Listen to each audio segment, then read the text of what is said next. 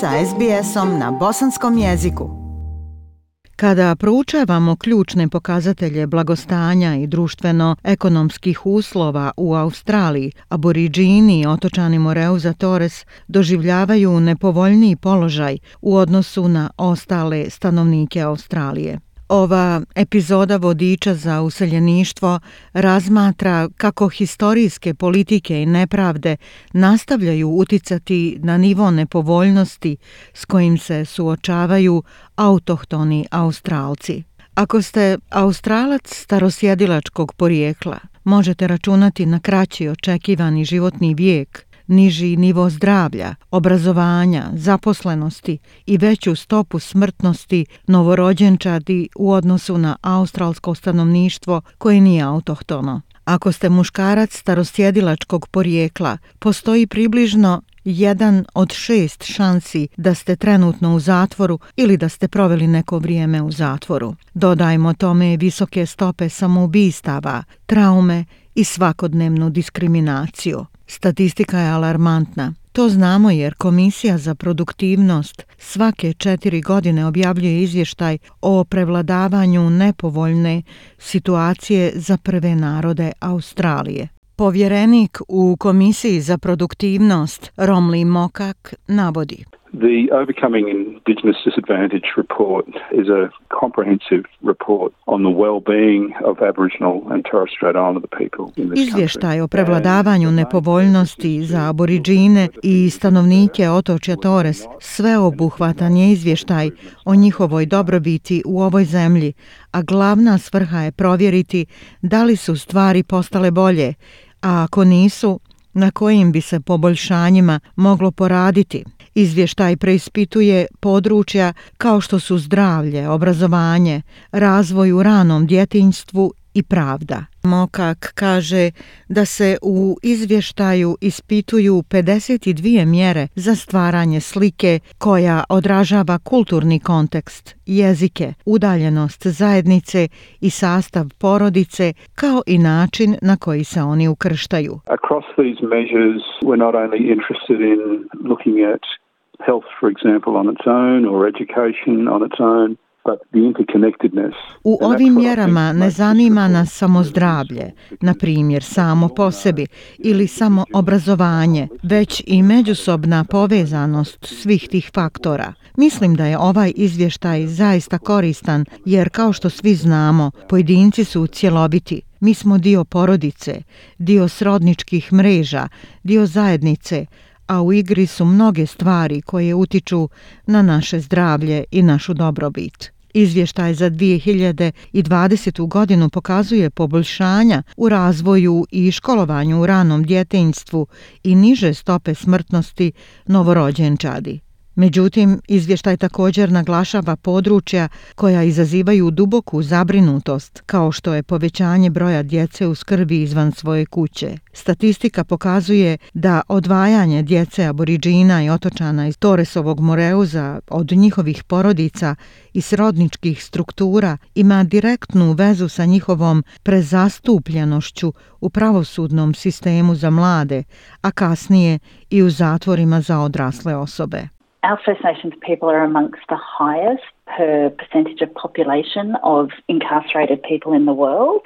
Naši ljudi iz prvih naroda su među najbrojnijim po postotku zatvorenih ljudi na svijetu. Od Kraljevske komisije 1991. godine do smrti crnih ljudi u pritvoru, broj autohtonih Australaca u zatvorima udvostručio se. Dakle, sa 14% broj je otišao na 28%. Dakle, stvari ne idu nabolje, kaže Helen Morrison, producentica novog dokumentarnog filma Incarceration Nation, Zatvorena nacija. Ona kaže da zatvaranje starosjedilačkog stanovništva košta Australiju 8 milijardi dolara godišnje. Now that's a terrible cost, but worse is the destruction of culture, family and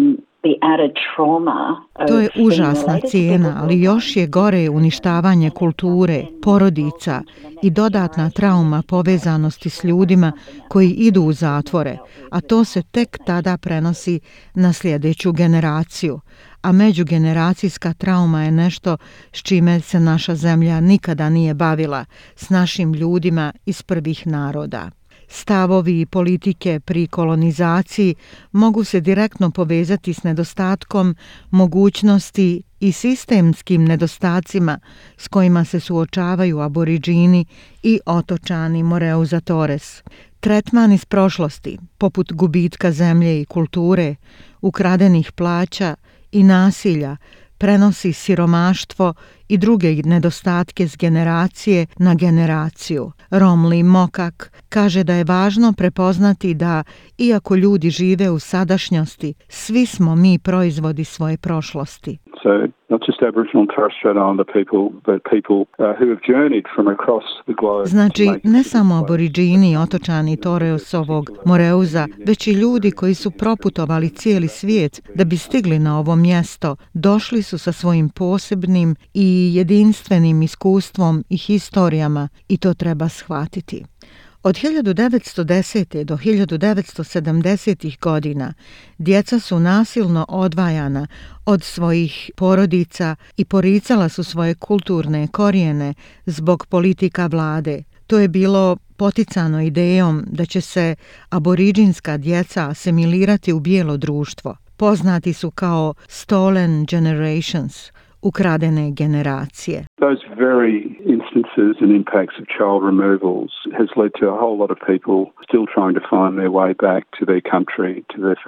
Upravo su ti slučajevi i uticaj odvajanja djece doveli do toga da veliki broj ljudi još uvijek pokušava pronaći put do svoje zemlje, do svojih porodica. To se odigrava u potencijalno niz područja u smislu mentalnog zdravlja, možda upotreba alkohola ili nekih drugih droga. Na primjer, imamo veće stope nasilja u porodici. Danas postoje Australci koji su pripadnici ukradenih generacija ili su im ukrali djecu. Postoje ljudi kojima je uskraćeno obrazovanje, bile su im ukradene plate, nije im bio dozvoljen pristup javnim mjestima, nisu mogli dobiti zdravstvenu zaštitu ili nisu imali pravo glasa. Uticaj ovih nepravdi najizraženije se odražava u broju zatvorenih autohtonih Australaca, kaže Helen Morrison. The link connecting the dots between Karika i povezna tačka između prezakonitih regulativa i vladine intervencije još od vremena kolonijalizma i načina na koji je to stvorilo traumu i nepogodnost za naše prve narode su dva ključa koja dovode do zatvaranja ljudi. Prije 20 godina oko 4000 odraslih aboriđina bilo je iza rešetaka. Sada se taj broj kreće oko 12.000. Ova stopa je 12 puta veća u odnosu na druge stanovnike za mlade starosjedioce to je 22 puta više. Razumijevanje razloga ove ogromne statistike nagnalo je Helen Morrison da snimi svoj dokumentarni film Incarceration Nation, zatvorena nacija. I think it's time for truth telling know, a deeper understanding of our past. Mislim da je vrijeme za kazivanje istine, dublje razumijevanje naše prošlosti i mislim da to postavim na način da publika može povezati zatvaranje starosjedilaca s prošlošću i postupanje prema našim ljudima iz prvih naroda. Mnogi Australci predani su naciji koja otvoreno priznaje nepravdu iz prošlosti. Helen Morrison kaže da rješavanje ovih nepovoljnosti ne mora biti složeno. When you look at it holistically, kad na to gledate holistički, čini se tako velikim i složenim, ali zapravo nije. Postoje jednostavne stvari koje se mogu učiniti da biste odmah počeli s promjenama. Mi imamo odgovore u izvještajima, imamo odgovore ako slušamo zajednicu i glasove prvih naroda. Zatvaranje jaza je opredjeljenje vlade za postizanje jednakosti u zdravlju i trajanju životnog vijeka kroz brojne reforme. Nacionalni sporazum o zatvaranju jaza fokusiran je na zajedničko donošenje odluka između aboriđina i stanovnika otoka Torres i svih australskih vlada. Samo određenje je ključ, kaže Romli Mokak pretty simple concept to think that those who are most impacted would be most invested in outcomes for their children, their grandchildren, etc. Prilično je jednostavan koncept misliti da bi oni koji su najviše pogođeni najviše uložili u ishode za svoju djecu, za svoje unuke i tako dalje, da će aboriđini, otočani i Torres ovog Moreuza doći za sto sa vladama kako bi utvrdili koji su prioriteti, rješenja, strategije za rješavanje tih prioriteta i da zajedno budu odgovorni za napredak ili njihov nedostatak u odnosu na ciljeve koji su zajednički postavili. Pogledajte dokumentarni film Incarceration Nation na kanalu NITV večeras 29. augusta u 20.30 i na SBS On Demand. A ako vama ili nekome koga poznajete treba pomoć, možete nazvati Lifeline na broj 131114 ili kontaktirajte Beyond Blue na broj 1300 224 Ja sam Aisha Hadži Ahmetović. Ostanite uz SBS radio. Like, share, comment Pratite SBS Bosnian na Facebooku.